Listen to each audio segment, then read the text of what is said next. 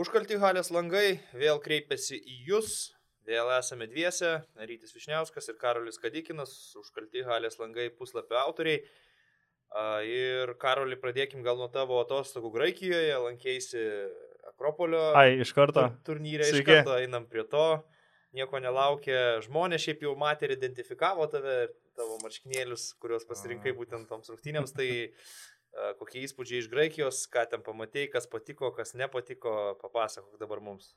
Pradžiai tai nebuvau su labiausiai rendo marškinėliais publikoje, nes buvo vienas vaikinas su Duke universiteto Cam Reddish marškinėliais, kas, nu, tipo, at, Okay. atrodė įspūdingai, bet jo, buvau rungtynėse, vien- vie- vienos dienos abiejose rungtynėse, pirmose žaidė italai turkai, ten, žinoma, ne, ne, nesukėlė didelio žiotažo Graikijoje, e, didelį žiotažą sukėlė antrosios rungtynės, kurios, va, kaip paaiškėjo, buvo turnyro finalas, graikai su serbai žaidė. E, Buvo afišuojama, kad uh, parduoti visi bilietai, bet kaip pats pastebėjau, dauguma, kas jau, buvo, kas jau yra anksčiau buvę Graikijoje, tą turbūt iš seniau žino, kad uh, ten tokio dalyko kaip parduoti visi bilietai nėra.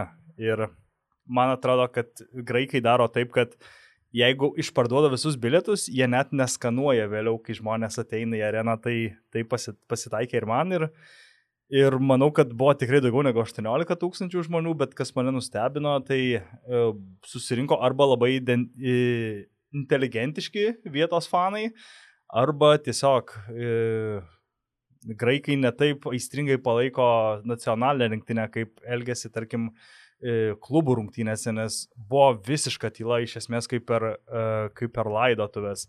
Visi tiesiog paploja vieniems, paploja kitiems, tyli tiek, tiek, tiek graikams puolant, tiek, tiek e, serbams. E, Vienu metu buvo prasidėjus toks truputį uh, bandymas palaikyti e, namų komandą, jai puolant, truputį ir švilpimas jau gal atsirado, bet tikrai nieko panašaus, e, kas būna, tarkim, per Panatinaikos ar Olimpiakos rungtynės aš neišvydau, gal truputį, gal truputį dėl to nusivyliau, bet kaip ir uh, viskas gerai.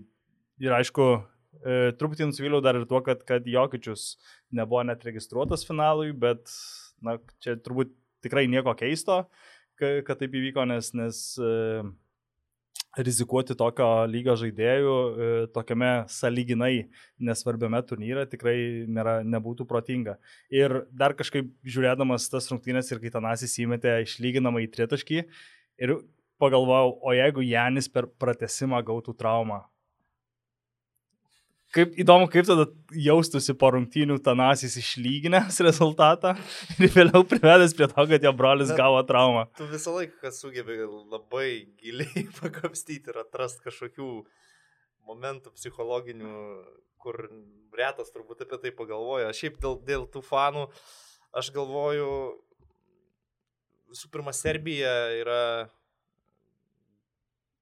šalis, sakykime, ir, ir krepšinio atžvilgių taip pat e, ta, su kuria gan šiltus santykius palaiko patys graikai. Visi žino, kad e, Olimpijakosas su Cirvena bičiuliaujasi Pavo su Partizanu.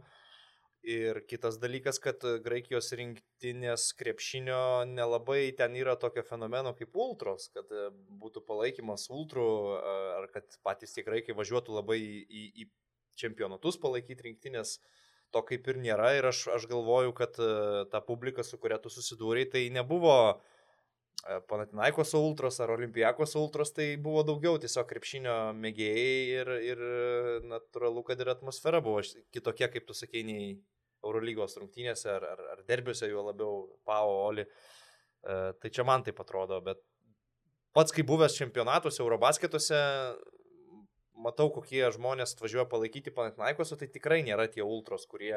e, Ne Panatinaikos, Graikijos Graikijos rinktinė. rinktinės. Tai tikrai nėra tie ultros, kurie serga už savo klubus. Tai būna žmonės, kuriems patinka krepšinis, kuriems patinka jų rinktinė ir jie susirenka, aišku, tai būna kažkiek organizuotas palaikymas, bet niekiek nepanašu į tą tikrą ul- ul- ultravimą. Jo, tai aš kaž, kažkiek kito rezultato tikėjausi ir kito mm. elgesio rungtynių metu, bet e, vėliau net ir po rungtynių abiems komandoms, tiek e, graikams, tiek ir, tiek ir serbams, laimėjusiems rungtynės, abi kom, e, fanai atsistojo, aplojo, matyt, liko patenkinti reginiu. Nu ir sakau, šiaip tikrai, manau, Serbija nekelia jokių neigiamų jausmų graikams patiems. Išskyrus gal prieš kelis metus, kai vyko tas pats Akropolio turnyras ir įvyko incidentas tarp uh, Nenado Krističiaus ir Janio Barūsio, kai... Kėdėme. Taip, į galvą ir praskėlė, ten kraujavo, tada ir tada Sofoklis dar vaikėsi atgal jau Krističių norėdamas atkeršyti. Buvo, bet čia aišku daugiau pačių krepšininkų iš, iš žaidimo įgos kilęs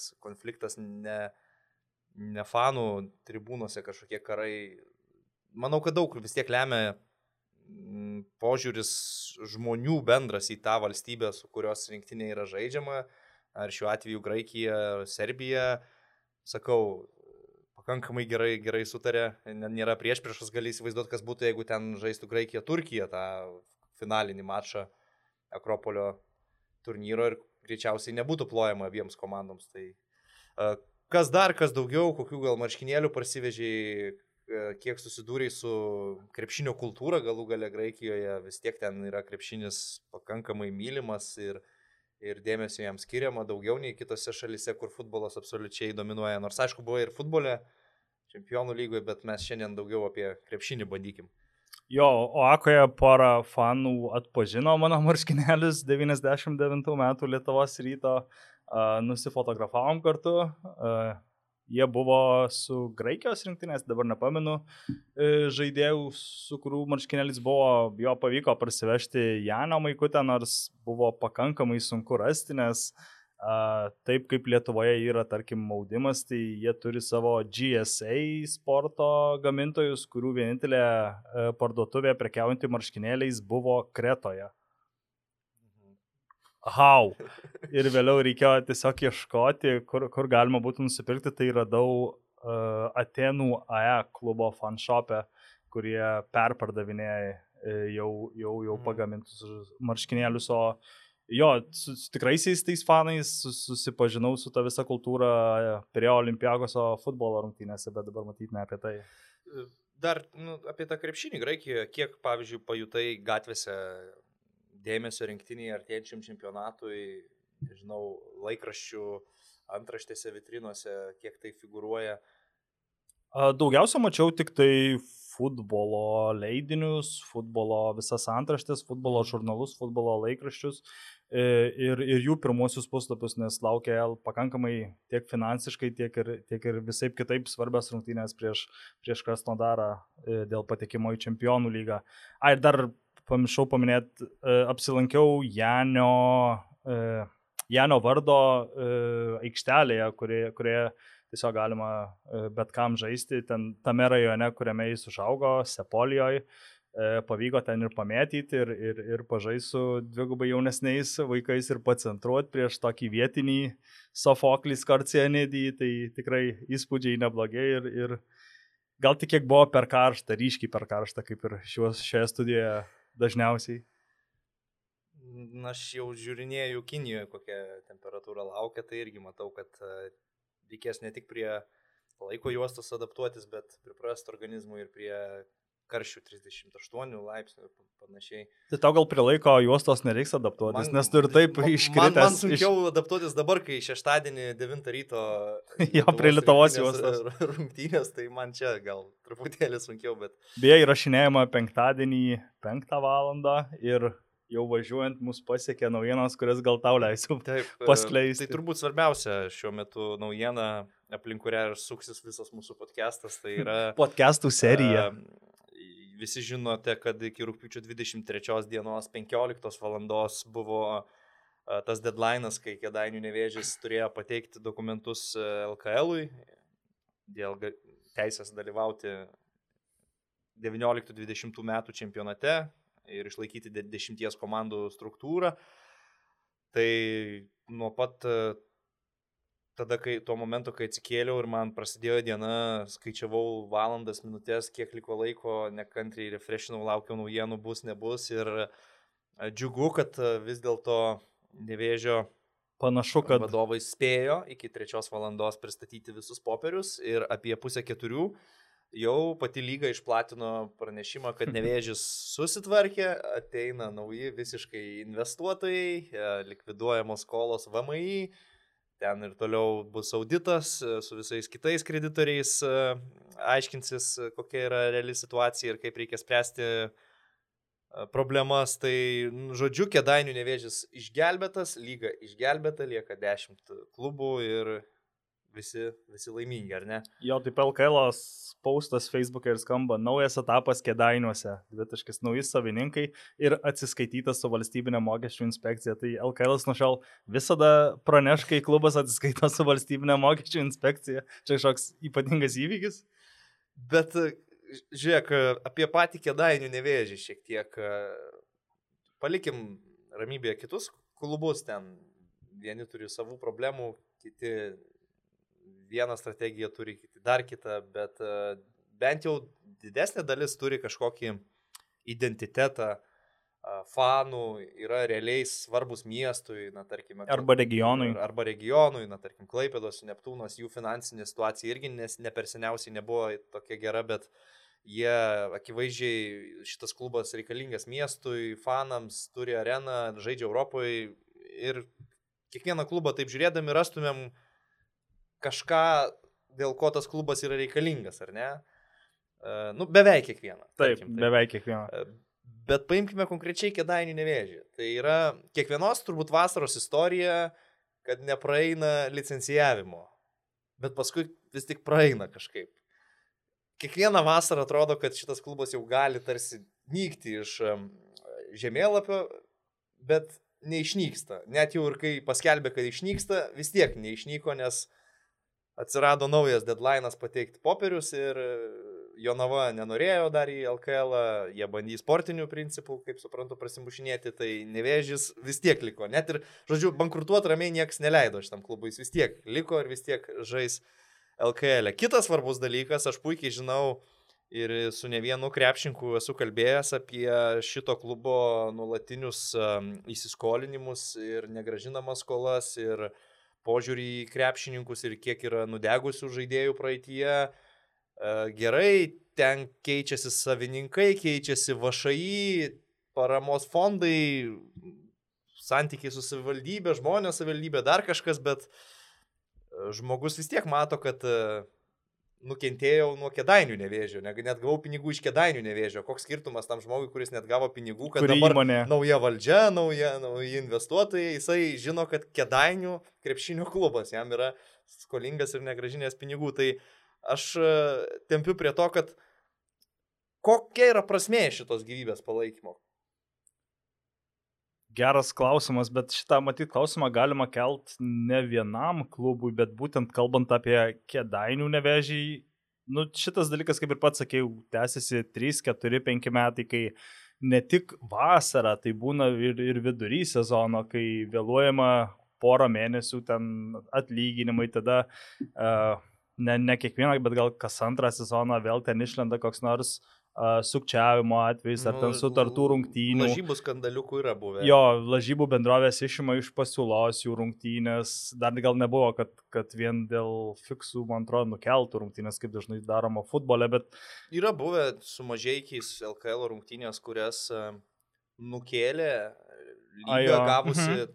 raudoną vėliavą, signalą dėl tų rungtynių. Ketvirto kelino Uveriukas. Ir, ir buvo jos uh, realiai nukeltos ir sužaistos kitų laikų kitą dieną, nei, nei kad turėjo būti. Bet to egzistavimo aš irgi nesuprantu ir tiesiog, bet kaip ir sakiau, man tas nevežio atvejis tikrai nėra vienas, man atrodo, kad tokių komandų LKL, kurių egzistavimas yra po klaustuku, irgi yra ne vienas ir jos egzistuoja uh, man kartais atrodo tik dėl to, kad vietos valdžia galėtų uh, paremti klubą ir tuo pačiu atvežti žalgerį į savo areną du kartus per metus, nes jei, man atrodo, kad jeigu žalgeris išeitų iš Lietuvos krepšinio lygos, tų klubų egzistavimas tada iš vis būtų beprasmis, nes jie jokio kažkokio ypatingo produkto net ir du kartus per metus neparodytų namuose.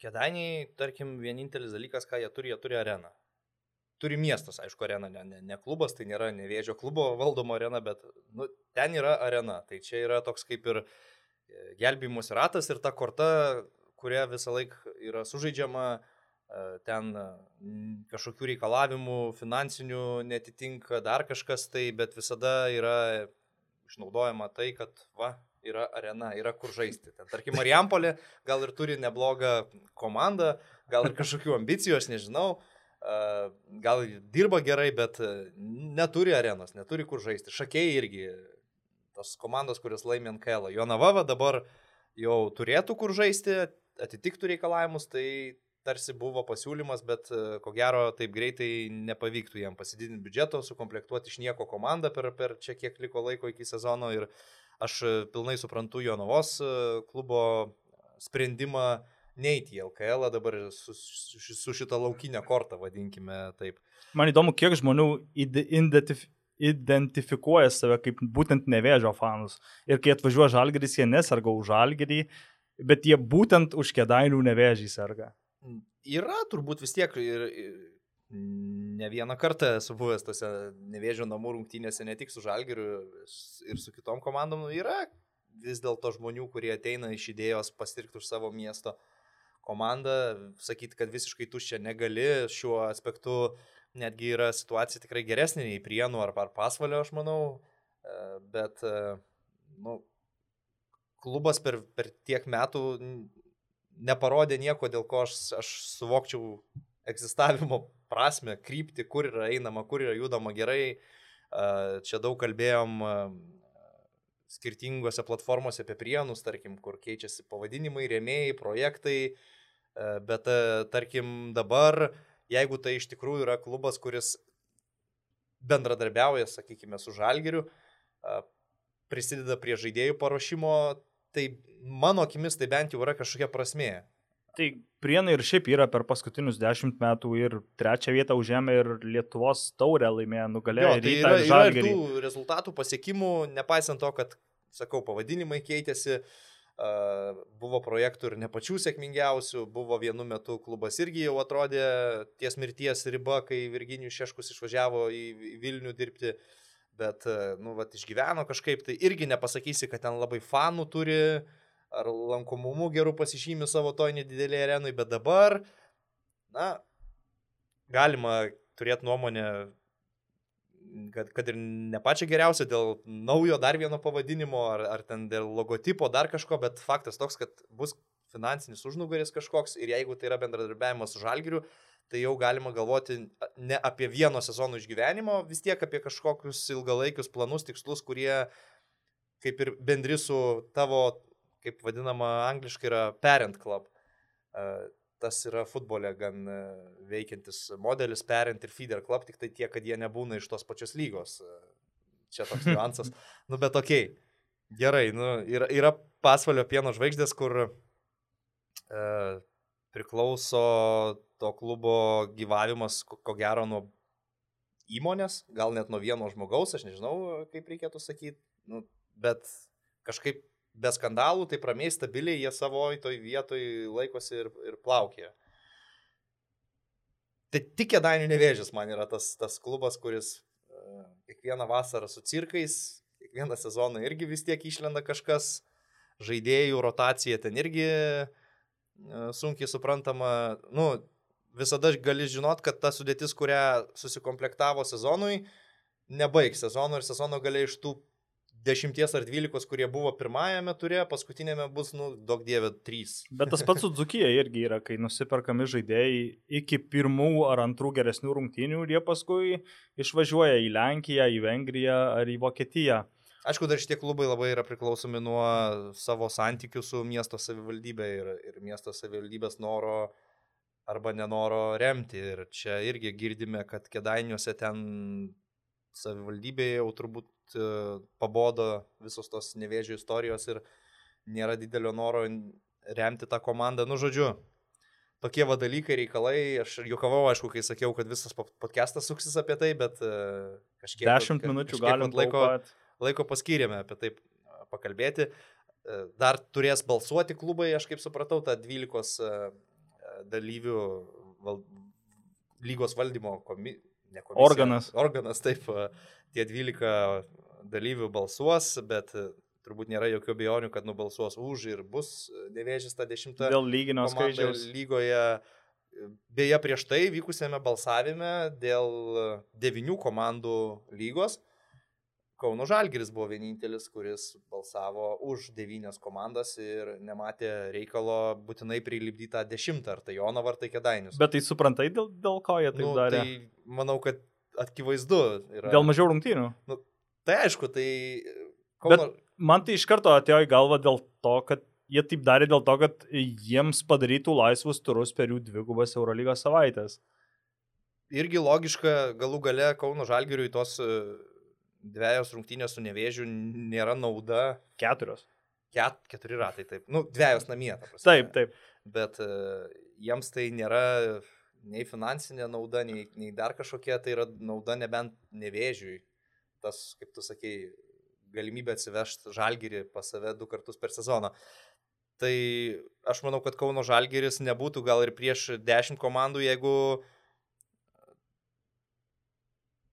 kaip pasakyti, tai nebūtų kažkoks vat, nestabilus, neaiškus klubas, kurio egzistavimo prasme apskritai kelia bejonių. Nu, tikrai niekas ne prieš, kad žais 10, gerai žalgeris turi tą rungtynių skaičių, per prievartą nereikalauja jo mažinti, suprantama yra situacija, jie gali tiesiog žaisti savaip su sava sudėtim, kaip, kaip jiems atrodo geriau tose rungtynėse, bet šiuo atveju aš galvoju, prie tokio sprendimo balsuoti už devynias komandas prisidėjo ir tai, kad uh, Žalgirio klubas mato, kokia yra situacija su ta dešimta komanda. Ar kabint Jonavą, kuri nepatems turbūt realiai ir nieko nebus naudinga, kalbant apie bendrą lygį. Ar išgelbėti nevėžį, kurio tas gyvybės aparatas jau, man atrodo, senokai turėjo užgesti. Gal jau judam nuo Gal jau judam temos. nuo šitos temos. Gerai, pakalbėjome kažkiek apie tai. Judėsime prie rinktinių, kas vis tik yra aktualiausia šiuo metu. Pakalbėsime ir apie Lietuvos rinktinę, kiek kas pasikeitė per tą savaitę nuo praėjusio podcast'o, bet įvyko ir kitų rinktinių kontrolinių mačų, įdomių mačų. JAF rinktinė sužaidė su Ispanija, su Australija. Tarpusavį. Australai ir kanadiečiai žaidė tarpusavyje, taip. Tai apie, tu, apie tai pakalbėsim, bet pradėkim gal vis tiek nuo lietuvių. Įvyko turnyras Suomijoje, kur mūsiškiai iškovojo dvi pergalės, nugalėjo šeimininkų Suomius antrą kartą šią vasarą ir taip pat nugalėjo Rusijos rinktinę. Po šito turnyro Eimantas Benčius buvo atkabintas nuo komandos ir į Pietų Koreją išvyko 14 krepšininkų, gal nuo šito ir pradėsime, nes šiaip nekartą kalbėjom, kad vat atrodo šią vasarą dvyliktukas žinosim pakankamai anksti, nebus tų, tų neiškumų, žaidėjų tampimo į, į kitą pasaulio kraštą iki pat galo, bet vis dėlto, vis dėlto yra. Lieka 14 žaidėjų, visi 14 išvyko į Pietų Koreją, du, aišku, bus atkabinti ir, na, aš manau, kad Žygimantas Janavičius ir pats supranta savo situaciją, kad e, vienintelis šansas jam patekti 12 būtų kažkurio gynėjo trauma. Nu, gerai, tarkim, dėl paskutinės vietos netaip viskas akivaizdu. Aš manau, kad turbūt Arnas Butkevičius bus atkabinamas ir Martinas Gebenas važiuos, bet čia dar, sakykime, vietos kažkokiai diskusijai lieka. Tai trenerių argumentai tokie, kad e, norisi būti apsisaugojus nuo galimų traumų, geriau galime dirbti treniruotėse, kai buvo dar 15 žaidėjų, jis pažymėjo treniruotėse darbą 3-5. Uh, turbūt galima suprasti, priimtos argumentus treneriui iš vidaus matyti geriau, bet aš nuomonės nepakeičiau, lieku tuo šalininku, kad dvyliktuką norėtųsi žinot aiškiau. Gal ir pačiai komandai būtų labiau naudinga jau tos paskutinius 3 ar 4 mačius sužais su aiškiu dvyliktuku, nes dabar ir Suomijoje, tarkim, matėme Valančiūnas, gerai, ten galbūt nedidelė traumelė, neregistruotas buvo, nežaidė vienose rungtynėse, tada žaidė Bendžius, nors pelnė 13 taškų ir kitą dieną praktiškai buvo atkabintas, tai kodėl jam reikėjo žaisti ir ką jis turėjo pasakyti. Su Suomiai žaidė. Taip, taip. Tai gal lietuviai ir šiaip norėjo tų rungtynių su suomiais tiesiog greičiau atsikratyti, pa, pa, pa, pastumties nuo savo kelio link pasaulio čempionato, dėl to leido uh, žaisti labiau belekam. Aš rungtynių nemačiau su suomiais, man atrodė jau prieš tai, kad dvi rungtynės su suomiais yra uh, maždaug tokio paties lygio, gal net žemesnio negu būtų žaidžiama tarpusavį. Aišku, visada įdomiau uh, išbandyti tą savo trenerio idėjas, kad ir prieš ypač žemo lygio komandą. E, svarbiausia, kad tik nebūtų traumų, bet vis tiek įdomu pamatyti, kad ir prie žemo lygio žaidėjus, kaip jie reaguoja į tas taktinės schemas ir, ir kaip jie prie jų, prie jų prisitaiko. Uh, Dabar apie tą turnyrą Suomiją gal net nelabai verta kalbėti, nes kol podcastas išeis, lietuviai jau bus pradėję žaisti e, kitą turnyrą Pietų Korejoje. Man tas 14 e, žaidėjų vežimasis irgi atrodo gal šiek tiek keistai. Mes dabar kalbam galbūt daug ko nežinodami, galbūt jau yra pranešta žaidėjams, kurie yra patekę į dvyliktuką, kad tu būk ramus, tu nesinervuok ir, ir kad tu tikrai esi mūsų, mūsų dvyliktokė, dėl to mes galbūt kalbame dalies argumentų ir, ir, ir tų karščiausių naujienų nežinome. Aš, aš, aš manau, kad yra ir teigiama pusė tiem žaidėjim, kurie bus 13-14, kurie neliks komandų ir nevažiuos į pasaulio čempionatą. Na, visų pirma, tai aišku, yra profesionalus požiūris, supranti savo vaidmenį, supranti savo vietą, kur tu esi ir ne, nemanau, kad mūsų žaidėjai yra tokie, kurie atsisakytų to keliavimo į Pietų Koreją, žinodami, kad į dvyliktuką labai realiai gal ir nepretenduoja. Tai yra profesionalumas, bet yra dar vienas geras dalykas jiems, aš manau, tu po to vis tik grįši į savo klubą, uh, pavyzdžiui, Žygimantas Janavičius uh, į savo naują komandą Klaipėdos Neptūną, grįši individualiai fiziškai pasiruošęs, tai yra geros formos, realiai geresnės nei kiti tavo komandos draugai, kurie suvažiuos po atostogų, e, kažkur sportavę individualiai, bet tu būsi praėjęs normalų, rimtą pasirengimo etapą praktiškai iki, iki pat galo su Lietuvos rinktinė, su labai aukšto lygio partneriais treniruotėse, sužaidęs ir kažkiek kontrolinių rungtynių, tai yra, nu, tu esi realiai pasiruošęs sezonui. Tau reikia tik tai perimti trenerio taktinės idėjas, tai jau yra taktinis pasiruošimas, bet fiziškai tu esi pasirengęs. Minusas man yra uh, E, vis tiek žmogui, ar, ar tu esi sportininkas ar ne, ta klimatizacija, prisitaikymas prie kitos laiko juostos e, ne visada yra lengvas ir dabar tu nuskrendi į Pietų Koreją, atbūni ten tas dviejas ar trijas rungtynes ir po to nepatekęs į čempionatą skrendi atgal į Lietuvą ir tai vad pasimėtai tarp, tarp laiko juostų, kas gali tave tiesiog žmogiškai iš, išmušti iš ritmo. Tai uh, tokių matau ir pliusų, ir minusų čia žiūrint iš to žaidėjo perspektyvos, kuris nebus e, įtrauktas į galutinį dvyliktuką. Dar aš norėjau vis tiek dėl e, tų dviejų rungtinių Suomijoje vieną momentą paminėti, kas man patiko. E, tai yra reakcija rinktinės žaidėjų ir trenerio po rungtynių su Rusija, kurios nu, laimėtos, laimėtos pakankamai dideliu skirtumu, bet visi, kas matė tas rungtynės, manau, sutiks, e, žaidimo kokybė per daug nedžiugino. Išskyrus e, pirmą kėlinį, tam tikrą atkarpą trečiam kėlinį, bet e, vėl turėjome virš 20 klaidų ir, ir tokių labai prastų žaidimo atkarpų duobių, kai išlyzdavo ir atsipalaidavimas kažkoks ir leisdavo rusams, kurie apskritai nieko nedemonstravo priartėti nuo 20 iki 8 taškų. Tai man patiko, kad ne, nereikia žiniasklaidai rašyti kažkokio kritiško straipsnio apie tai ir, ir kritikuoti rinktinę patys.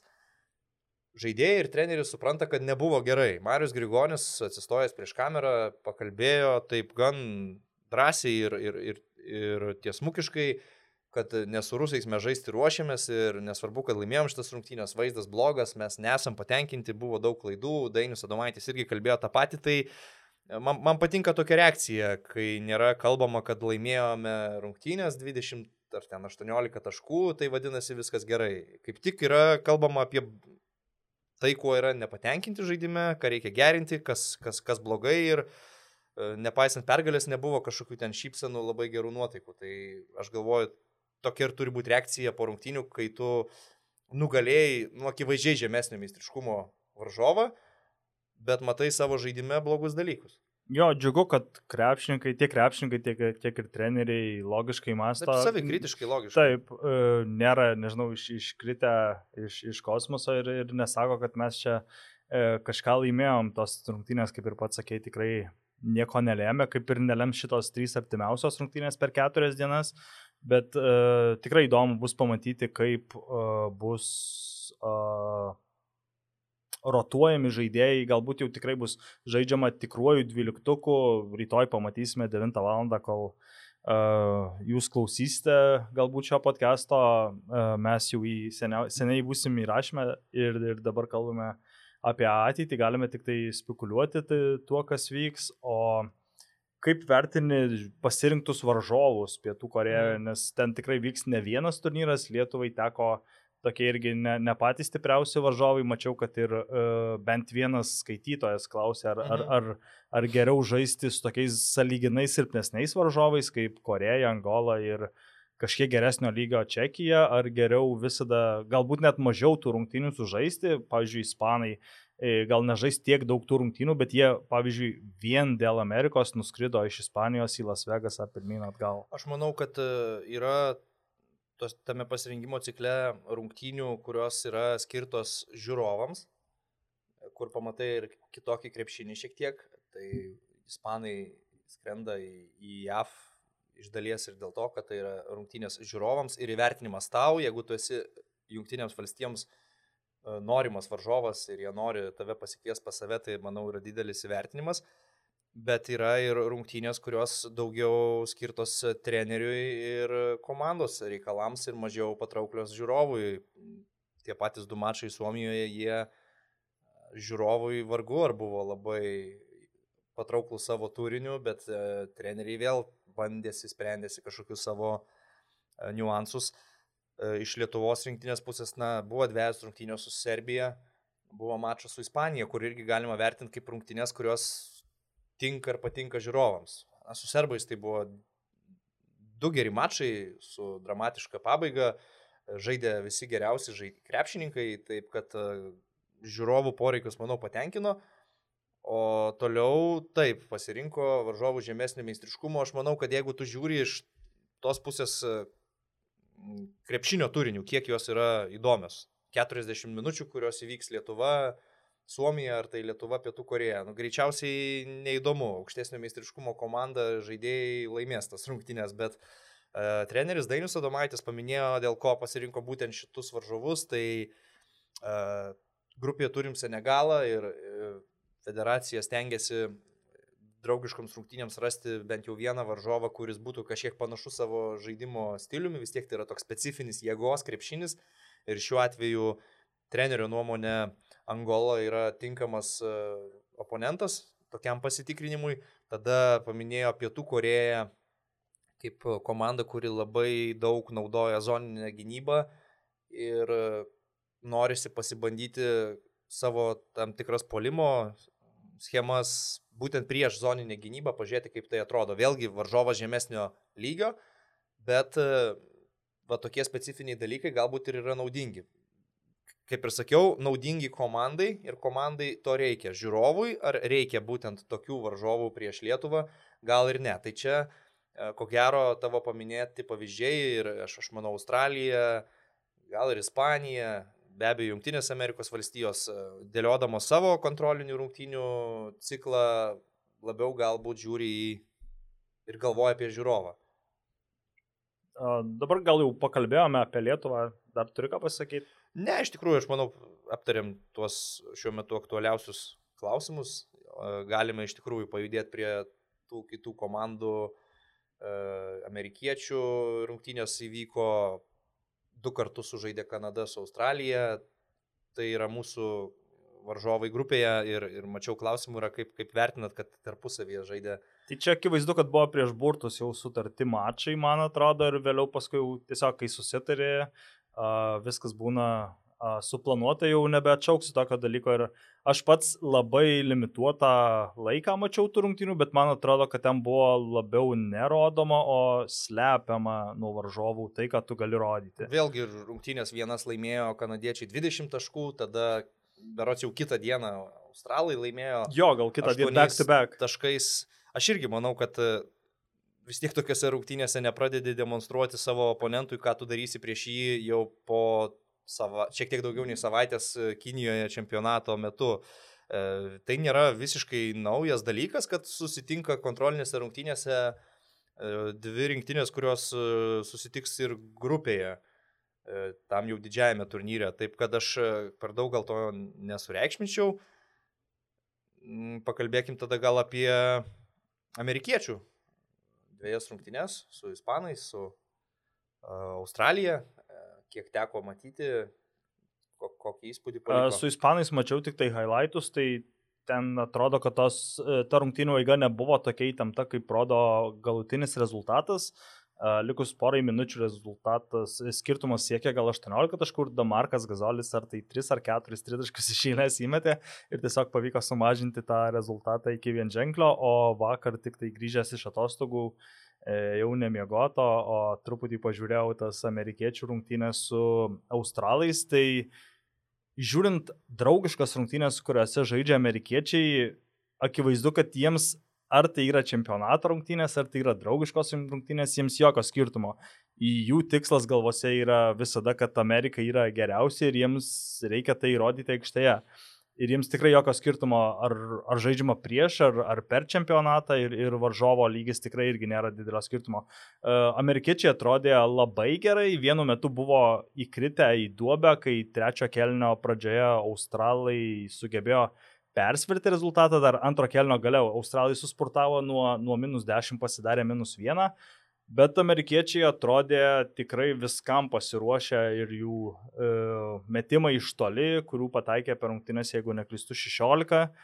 E, tiek Kemba Walkeris, tiek Kyle Kuzma tikrai atrodė tiek motivuoti, tiek suprantantis, ką, ką daro aikštėje. E, Australai dažnai naudojo pick and rollą su, su Bainsu ir su Bogutu. Bogutas gal labiau buvo atsitraukęs prie tritaškio ir gavęs kamolį naudojo savo vieną turbūt stipriausių ginklų, tai yra tai, kad jis gali ir per nugarą perduoti kamolį ir šiaip numesti jį iš esmės bet kur aikštėje. Ar žaidė vienam penketę Bogutas su... su o, man atrodo ne, dabar gal nenoriu sumeluoti, bet man atrodo, kad ne. Uh, Bainsas irgi atrodė neblogai, pataikė ir tritaškį, ir, ir, ir po krepšių apstumdydavo ir, ir Miles Turner, ir, ir, ir Plumley, bet aišku, tas lygis ir, ir, ir jėgų skirtumas iš karto matosi.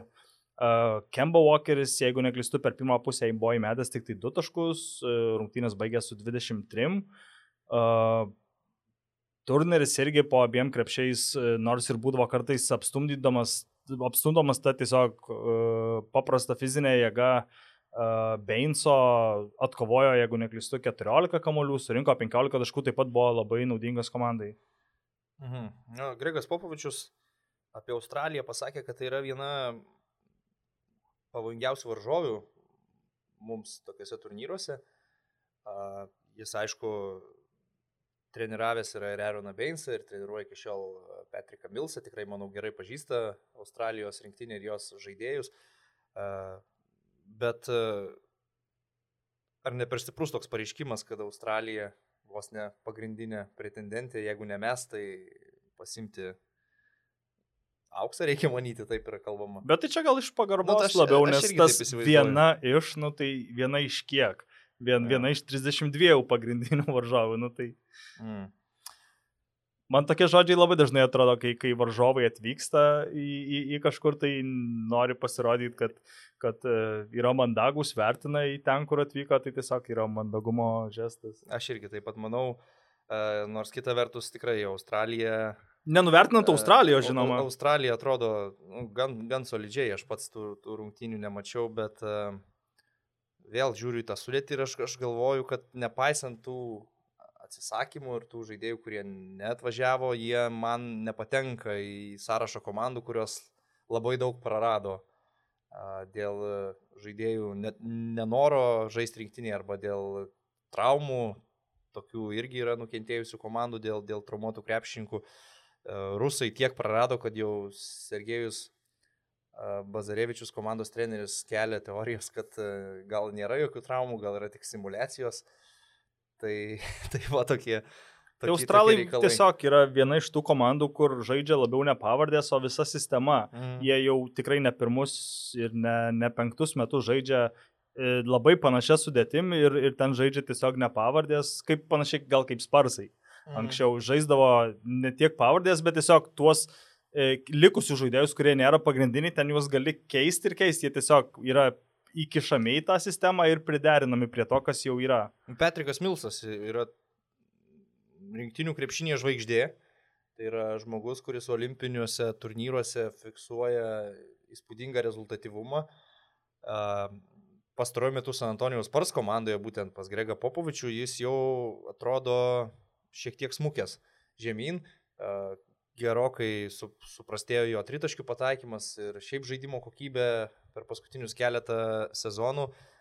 NBA jis atrodo mm, praradė savo formą ir galbūt geriausi laikai jau praeitie, bet rinktinėje aš vis tiek manau, jis darys tai, ką daro įprastai tose FIBOS turnyruose ir, ir, ir yra vienas tų žaidėjų, iš kurio visada gali laukti 16 ar net 18 taškų vidurkio. Tikrai Rio žaidynės buvo geras pavyzdys ir tas pats brandolys liko iš, iš, iš to, kas žaidė Brazilijoje olimpinėse. Nemačiau Boguto tiesą pasakius, kaip jis atrodo, paskutinį kartą mačiau dar epizodiškai žaidžiant NBA finale. Vis tiek yra jau tikras veteranas, kuriam tai paskutinis šansas patekti į, į olimpinės žaidynės, bet irgi manau, ką tu sakėjai, veikiančios sistemos turėjimas gali leisti Australam ir vėl sužaisti tokį stiprų turnyrą. Čia gal net palyginčiau su, tarkim, Kroatija, kur pavardės gal ir net įspūdingesnės, bet e, būtent nėra jokios sistemos, jokio stabilumo. Tai aš tą patį norėjau. Keičiasi treneriai ir, ir, ir va ta komanda turinti daug pavardžių nieko nesugeba pasiekti. Tai aš tą patį norėjau sakyti, kaip palyginus su Kanada. Kanada kaip tik yra uh, ta komanda, kuri labai priklausoma nuo to, kas atvažiuoja žaisti. Nes jie nėra iššūkdę to mentaliteto, nėra iššūkdę tos sistemos, į kurią tu gali įkišti bet kurį uh, panašaus lygio žaidėją ir, ir jisai prisitaikys prie jos. Kas nors dar yra įsiminę iš, iš kontrolinių rungtynių? Tai galim dar gal trumpai pakalbėti. Ar, ar keliausim prie klausimų. Galim dar gal trumpai pakalbėti apie Graikiją, Serbiją, apie pačias rungtynės. Okay. Uh, pats matėjai? Ne, aš nuoširdžiai kontrolinių rungtynių vengiu. Out. Tiesiog mano toks yra požiūris, aš seku, kaip, kaip Lietuvos rinktiniai sekasi, tuo pačiu ir dirbu, aišku, rungtynėse, kurie žaidžia lietuviai, bet uh, nuoširdžiai niekiek nežiūriu kontrolinių rungtynių kitų komandų. Tiesiog gal nesiplėsiu apie tai, bet, nu, tiesiog nežiūriu. Man graikai atrodė, bent jau galvau, kad jie yra kažkiek lankstesni polime. Aišku, jie žaidė be Sluko, kuris turbūt keliaus į čempionatą. Mačiau a, naujieną, kad iš jo stovyklos yra labai geros naujienos, labai geros žinios dėl to. Taip pat graikai žaidė be Papa Petrų ir Papa Nikolao, bet labai ryškiai pasimatė, kaip stipriai graikams trūksta metikų, nes jeigu Tanasis ant to kumpo sugebėjo įmesti 5 ar 6 tritaškus ir graikai vis tiek po pratesimo pralošė, tai bus rungtynių, kuris tikrai tiek neįmes. Ir man atrodo, kad Slukas yra pagrindinis graikų raktas ir gal net yra lygiai tiek pat svarbus, kiek ir Janis graikams, nes kiek Janis sugeba prie savęs pritraukti tuos žaidėjus, nes e, serbai yra ta komanda, prieš kurią labai aiškiai pasimatė Janio trūkumai.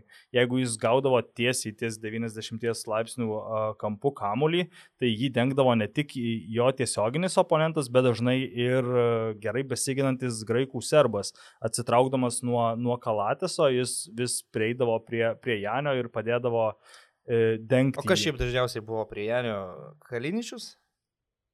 Ne Kaliničius, gal labiau Birčevičius bandė įdengti. Bielica? Bielica, jo. O Jovičius su Mičičium vis bandydavo truputį padvigubinti, padvigubinti mm. ant jo. Dėl to nu, jis... Je, jeigu Jovičiaus žmogus yra, pavyzdžiui, Nikas Kalatis. Taip, tai taip. Tai situacija ideali tau ateiti į pagalbą, pasitraukiant ir paliekant Kalatį prie tritaškio linijos. Uh, ką matome Eurolygoje, tai visos komandos e, skatina Niką Kalatį, kad ir 10 tritaškių mes per rungtynę 9, prašau, kiek. Jo, tai dėl to ir sakau, kad man atrodo, kad Lukas yra labai labai svarbus e, graikams, nes nuo jo tu neatsitrauksi, o jeigu, o jeigu liksi prie jo, tai tiesiog Janis apeis tavo žmogų ir, ir, ir susikurs gerą situaciją poliume. Aišku, grai, e, graikai yra ta komanda, kuri bando žaisti kuo greičiau ir kuo greičiau duoti Janui kamuolį, tegu jis uh, bando verštis uh, kaus to kaus daryti. Matėme ir vieną labai įspūdingą dėjimą per, uh, per Bogdanovičių. Tiesa, Bogdanovičius jau kito atakoje visiškai nesusijaudinęs dėl to prasileisto dėjimo per save įmetė du su bauda. Bet man graikai tiesiog labai matėsi, kad jie žaidžia nestipriausios sudėties, aš nežinau, kiek gali pridėti Papa Petrų ir Papa Nikolao, vis tiek yra pataikant, galit, galintys bent jau pataikyti iš, iš toliau metik, ypač Papa Nikolao. Bet Lukas, man atrodo, jiems yra labai svarbus ir jo žaidimas arba nežaidimas uh, labai daug lems čempionato metu. Okay, judam, judam prie klausimų. Jo, turbūt gal galim jau dėti link klausimų. Manau, kad taip, kaip ir aptarėme tai, ką buvom suplanavę. Pradėsiu iš karto nuo Ruslano, mūsų gero bičiulio klausimo. Klausimas toks e, pafilosofavimui ir padiskutavimui iš dviejų dalių. Prime time Šiškauskas ar prime time Macijauskas ir antra dalis prime time Štombergas ar prime time Kleiza. Tai nuo pirmos dalies pradėkime. Aš e, rinkčiausi Ramūną Šiškauską į savo komandą, jeigu tokią komplektuočiau tais laikais, kai jis buvo savo karjeros pikė. Dėl ko? Be abejo, Matsas yra nerealus sniperis, superinis metikas, įspūdingas žaidėjas ir jį lygiai taip pat norėčiau matyti savo komandoje, bet jeigu pasirinkimas iš šitų dviejų, aš imu vis dėlto uh, labiau kurėję, ne tik skorerį. Man Šiškauskas yra toks pilnas krepšininkas, kuris e, daro viską, ką reikia žmogui nuo pirmos iki trečios pozicijos. Jis ir pakankamai gerai gali pasiginti. Tai aš realiai pasimdama Šiškauskai savo komandą išsprendžiau, kaip ir sakau, trijų pozicijų problemą. Ir čia nebūtų lengvas sprendimas pasakyti Macijauskui ne, tačiau uh, mano komandai vis tiek būtų Ramūnas. Aš tai gal rinkčiausi priklausomai nuo situacijos, jeigu reiktų rinktis visam sezonui, tada pritarčiau tau, turbūt imčiau Šiškauskas. Šiškauskas yra toks uh, pilnesnis žaidėjas, kaip ir pats sakėjai, galintis žaisti per kelias pozicijas, bet jeigu reiktų rinktis, tarkim, vienoms rungtynėms, aš gal imčiau Macijauską, nes jis turi tą tokį uh, netikėtumo faktorių, gal galima taip pasakyti, nes jis turi, aišku, labai aukštą savo jau žaidimo lygio grindis tu žinai, kad kiek jis tikrai tau gali duoti rungtynėse, bet jis, jeigu jam labai pakris, tai jis vienas gali išspręsti visas rungtynės, ko gal ne visai turi Šiškauskas jo, savo aš, žaidime. Aš, aš manau, kad Macijauskas yra geresnis koreris ir, ir netgi vienas geriausių visų laikų Eurolygos korerių. Šiškauskas nebūtinai tau duos tiek taškų, jis gali surenkti labai rezultatyvų pasirodymą. Dėl to gal ir gera mintis tavo, kad vienose rungtynėse kur reikia kažkokio lūžio, Macijauskas gali būti netgi naudingesnis, bet e, Šiškauskas yra toks stabilumo garantas. E, nebereikalo, manau, jis e, kur be žaisdavo, ten būdavo lyderis kertinis žaidėjas, ar tai būtų CSK, ar tai būtų Pau, ar, ar Benetonas. O Macijauskas, taip, vertinant jo geriausius laikus, buvo superžvaigždė Vitorijoje, bet viskas, kas vyko jo karjeroje po Vitorijos jau nebuvo taip sėkminga NBA, po to Olimpijakos, sveikatos problemos ir tarkim į rinktinę jau grįžęs po viso to, kai žaidė 2006, jis vis dar buvo geras, bet jau nebebuvo toks žaidėjas, kuris, kurio visi turėtų bijoti ir kuris gali vienas tempt nešt pergalės komandai. Antra klausimo dalis analogiškai Štombergas prieš Kleizą. O kurie metai yra Kleizos primas pagal tave? Mm, nežinau, kažkur, kažkur aplink Pekino žaidynės ir nuo to galbūt dar kokie du metai į priekį. Aš taip įsivaizduoju. Nu vis tiek, žiūrint į NBA lygą Denverio Nuggets, laikai, žiūrint į rinktinę, 28 Pekinas, 10 pasaulio čempionatas, o tada 11 Eurobasketą buvo priverstas praleisti ir, ir nuo to momento jau kaip ir viskas pradėjo po truputėlį leistis žemyn. Jo, 2-9 čempionatas jam buvo labai prastas, bet už tai 2-10 sužaidė. 9 visai komandais buvo toks beviltiškas, kad man sunku per, tą, per to čempionato prizmę atskirus net žaidėjus vertinti. Nuimkime būtent va, šitą laikotarpį aplinkui 2010 metus ir Štombergo prime time, kuris tęsiasi be ne visą karjerą. A, geras klausimas irgi. Čia gal galima net ir labiau padiskutuoti, nes žaidėjai yra labai skirtingi, bet vertinant būtent jų lygį, uh, aš gal limčiau Kleizą, man atrodo, kad Kleiza gali gal uh, daryti panašiam lygį viską, ką darė Štombergas, bet Kleiza gali ir daugiau, Kleiza gali uh, pacentruoti, Kleiza gali po krepšių pakovoti dėl kamulio ir gali būti tas toks amerikietiškas, uh, amerikietiško stiliaus ketvirtas, uh, ketvirtos ar trečios pozicijos žaidėjas. Štombergas buvo labiau irgi veržlus, tiek prasiveržimais, tiek savo tritaškais galėdavo žudyti varžovus? Nežinau, labai sunkus klausimas. Aš imčiau vis dėlto Kleizą, aš taip subjektyviai manau, kad e, šio laikinėje Eurolygoje arba šio laikinėme NBA jisai uh, padarytų daugiau nei, nei, nei Štombergas, nors niekaip nenuvertinu Saulių Štombergo talentų. Uh, man jis visada labai patiko, buvo tikrai labai mėgstamas žaidėjas, bet jeigu yra toks vat, konkretus pasirinkimas, tai aš irgi, aš irgi krypčiau į į Lino Kleizos pusę. Dabar gal imk, imkime Žilvino klausimą, kuris man labai patiko. Visada būna bent vienas toks klausimas, kuris atrodo gaila, kad aš šito klausimo nesugalvojau rubrikai.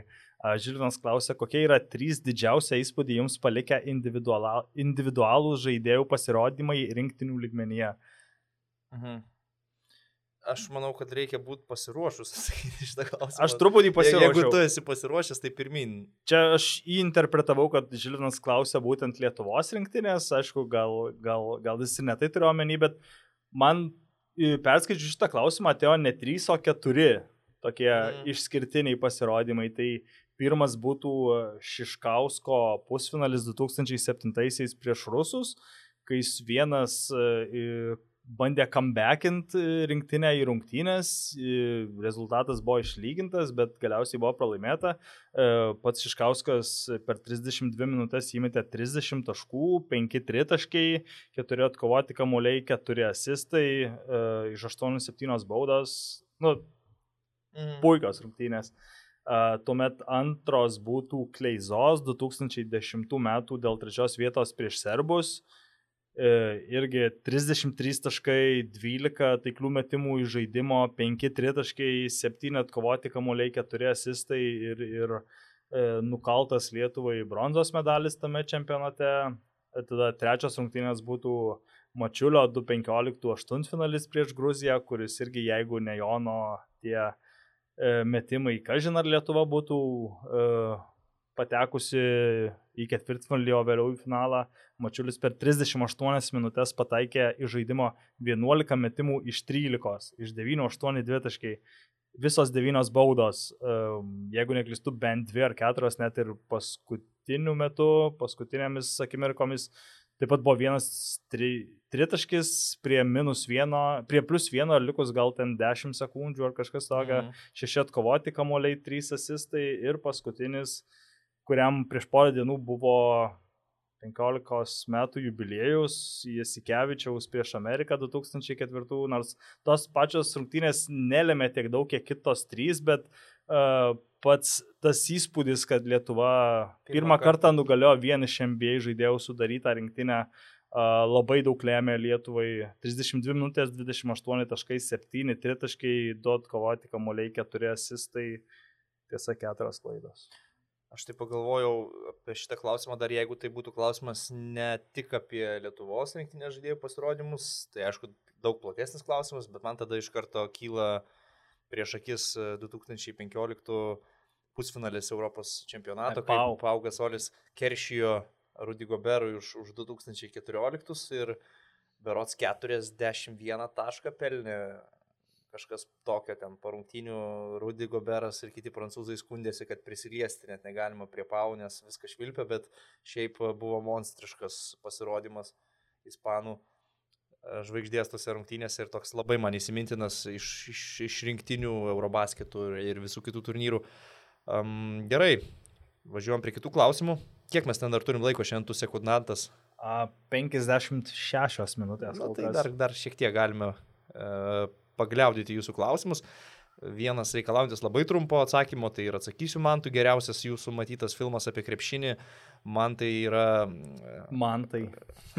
Kreipinys pavyko jo. Uh, dokumentinis filmas gan senas Hoop Dreams. Uh, apskritai jis yra vertinamas kaip vienas geriausių visų laikų sporto dokumentinių filmų. Uh, tai yra filmas, kuriame pradėjo filmuoti du dar labai jaunus vaikus iš neturtingų šeimų, kurie turėjo didelių svajonių su krepšiniu ir juos filmavo iki pat, iki pat galo, taip reikėtų pasakyti, kol jie saugo ir pasuko savais gyvenimo keliais. Tai labai ilgas filmas, pačiam pavyko jį tik tai per du kartus pažiūrėti visą, bet tikrai vertas dėmesio ir jeigu nematėte, tai būtinai, būtinai pasižiūrėkite, jis yra, sakau, gan, gan senas, tai netgi geriau, nes šiais laikais šitas E, toks sumanimas filmuoti, kaip kažkas auga, jau būtų gyvenintas su daugiau technologinių sprendimų ir taip toliau, o ten yra 90 kaž, kažkelinti metai, tai Hoop Dreams. Gal, mano, gal irgi būtų tavo dokumentinis? Taip, taip, taip. Jo, mano irgi iš dokumentinių serijos, ESPN 30 for 30 serijos, Once Brothers, A. uh, kur pasakojama apie daugiausiai E, Dražino Petrovičiaus ir Vladė Divaco e, gyvenimą ir, ir tą karjeros e, augimą nuo, nuo tada, kai jie dar buvo vaikai, jie atstovavo vienai valstybei, iki tada, kol, kol Kroatija atsiskyrė, jų santykiai šiek tiek suprastėjo, net ir žaidžiant e, abiems NBA vienu metu. E, jie kažkokia juoda katė buvo perbėgosi tarp, tarp, tarp jų dviejų. Tai juk buvo numetęs vėliavą. Po, Ai jo, jo, jo, po pasaulio Vladė čempionato gal 90-ais. Numetęs Kroatijos vėliavą. Ar gal pakėlęs Serbijos vėliavą, kažkas, kažkas jos, kažkoks incident, incidentas buvo su vėliava, tai vad. Uh, nu, nespoilink filmą. jo, ir, jo, sorry, just spoiler alert. Tai va, tai, tai filmas apie tai tikrai labai įdomus ir, ir... Šiaip gal net pasakyčiau, visi ESPN 30 for 30 filmai, krepšinio tematika, Taip. man jie visi geri. Visus mačiau, kiek jau yra, yra išleista ir negalėčiau pasakyti, kad buvo toks, kur nepatiko. Pavyzdžiui, labai gera uh, Fab 5 istorija. Uh, Ir dabar, kiek skaičiau, Michigan jie dar bando perfilmuoti tą pačią, bet A, jo ir Fab 5. Tai dabar jau su Krisu Weberiu gal.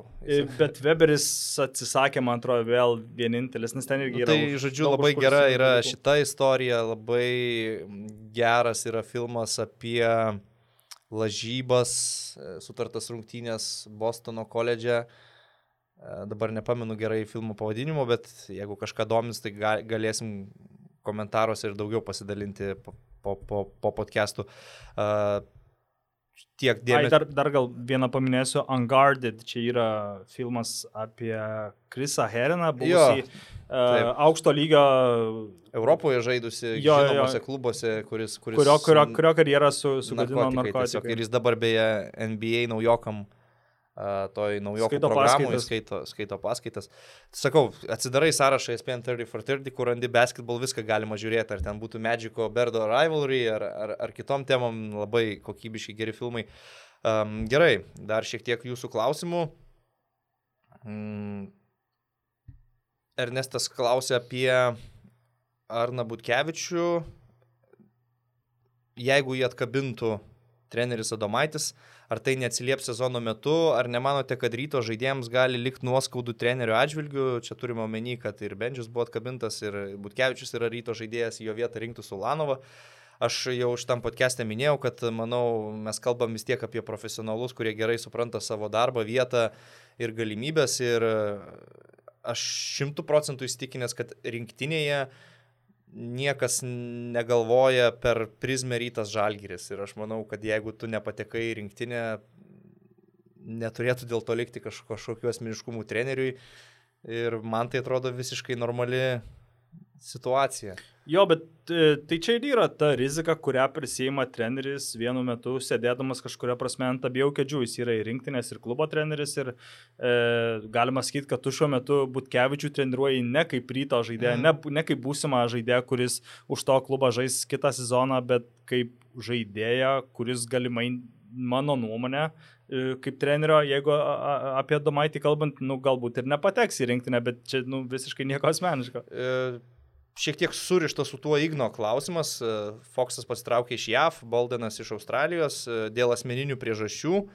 Abu, kabutėse, netikėtai po rungtynių, kuriuose beveik negavo žaisti ir suprato, kad svarbaus vaidmens čempionate nevaidins. Ar įsivaizduojate kažką panašaus Europos rinktinėje? Tai aš e, pilnai įsivaizduoju, kad Donatas Motyvūnas galėtų tai padaryti.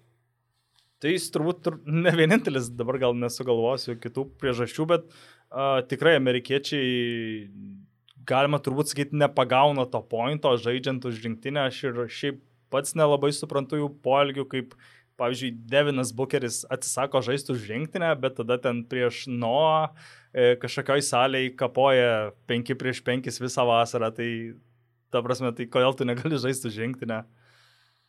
Mm, tiesiog nenori. Nu tai va, tai Aš, aš e, atsimenu dar 2000-uosius, turbūt, e, Sidnėjų, kai Rėjus Alenas, nu, čia jau beveik prieš 20 metų, pasakė po to, kai jie laimėjo auksą, kad uh, turėtų būti mokama žaidėjams už, dalyv... už žaidimą rinktinėse. Tai buvo 2000-aisiais iškomunikuota tokia žinutė. Dabar yra 2019, tai man atrodo dar, dar labiau krepšininkai Junktinėse valstijose priimdami kažkokius sprendimus dėl savo vasaros pasveria, kokia jam nauda iš to, nes tas noras žaisti su rinktinė ir laimėti, jisai gyvas lietuviams, serbams, vat, australams, kad ir daugeliu Europoje, ispanams, ten Paugas Solis, e, jau būdamas labai solidaus amžiaus, viską įrodęs ir viską laimėjęs, vis tiek nori žaisti rinktinėje, bet jungtinėse valstijose to, to nėra ir nemanau, kad kažkada bus. Uh, Klausė Domantas, kaip mano Tarzeko lydai perėjimas iš Olimpijakos į Žalgirį yra jo karjeroje žingsnis į priekį ar labiau atgal, nes Oli jau eilę metų priskiriami prie Eurolygos elito, nors Žalgiris jau du sezonus paliko juos už nugaros. Tai aš manau, kad tai nėra žingsnis nei į priekį, nei atgal. Aš manau, kad jis lieka tame pačiame lygyje, kuriame jis ir buvo, kalbant apie klubo pajėgumą, bet jei viskas jam susiklosti sėkmingai, jis galbūt e, pateks pas trenerį, kuris jį dar geriau išnaudos ir jam pavyks e, patobulėti, žengti žingsnį į priekį ir jau kitais metais galbūt pasirašyti su kažkuo dar geresniu, bet šiuo atveju, e, jei reikėtų įvertinti Olį ir Žalgirį, tai aš manau jau net ir tie pasiūlymai finansiškai nebėra tokie baisiai skirtingi, skirtingi. kaip galėtų, kaip būdavo, tarkim, prieš penkerius ar šešerius metus ir žaidimo lygis irgi man jis yra labai panašus, tai yra dvi komandos, kurios gali būti aštuntukė, gali nebūti. Čia gal toks dalykas, kurį reiktų vertinti po sezono ir, ir galbūt tai buvo geras sprendimas, galbūt ne, bet tikrai dar per anksti apie tai kalbėti. Kažką iš, iš klausimų dar nori kabinti? Aš ne, daugiau ne, nesu Nes pasirinkęs. Iš tikrųjų jau prikalbėjom nemažai, galvoju, kad uh, tam kartui tiek, nors klausimų vėlgi yra labai daug, kai kurie kartojasi, kai kuriuos atsakom podcast'o įgoje, jeigu kažkada jūsų klausimo nepaėmėm, tai nereiškia, kad nepaimsim kitą kartą, stengiamės įtraukti jūs kiek įmanoma daugiau į savo podcastus. Uh, tai va, kaip visada turiu priminti, kad uh, pirmieji mūsų podcastą išgirsite ir pamatysite prenumeruodami audio ir video platformas. Ieškokite užkaltų halės langų kanalo Podbean, Stitcher arba Spotify programėlėse. Taip pat visus įrašus galite rasti iPhone podcast arba Android podcast, o ne tik girdėti, bet ir matyti mus galite Basket News LT kanale YouTube, kurį užprenumeravę irgi visus laidų įrašus pamatysit pirmiau nei visi kiti. Galų gale podcastų įrašai talpinami ir basketnews.lt tinklalapyje skiltyje tinklalaidės. Ir visada paklausę palikit komentarų, išvalgų, pastabų, kritikos ir, ir visų kitų dalykų. Jo, ir gal sekantį podcastą jau paskirsime grinai vien pasaulio čempionatui, nors ir, ne, nors ir pastarėjai keli tikrai ne, nebuvo apie kažką kitą. E, paskutinės rungtynės lietuviai žaidžia 27 dieną antradienį ryte, tai galbūt gausis tą pačią dieną, galbūt trečiadienį, 28 dieną padarysim uh, pilną visų komandų, visų grupių, gal ne visų komandų. Ne, visų gal. Ne, Dramblio fiziškai, kranto. Fiziškai Gal, per valandą neapriepsim, bet uh, jo, gal padarysim kiekvienos grupės greitai po penkias minutės aptarimą. išskirsim uh, rungtynės, kurios labiausiai vertos dėmesio, sudarysim galbūt kažkokių penketukų ar dvyliktukų žaidėjų sąrašų žvaigždžių, kurių, kurios bus Kinijoje. Uh, jo, iš tikrųjų bus jau kitas mūsų podcastas uh, skirtas visiškai pasaulio taurės turnyro preview. Išlydėsim tave į Kiniją. Išlydėsim jo. Man, mane į Kiniją, bet uh, čempionato metu irgi podcastai bus, niekur jie nepabėgs. O šiandien viskas, šiandien jau baigiam. Atsisveikinam ir susitiksim kitą savaitę. ačiū, kad klauso, tikė.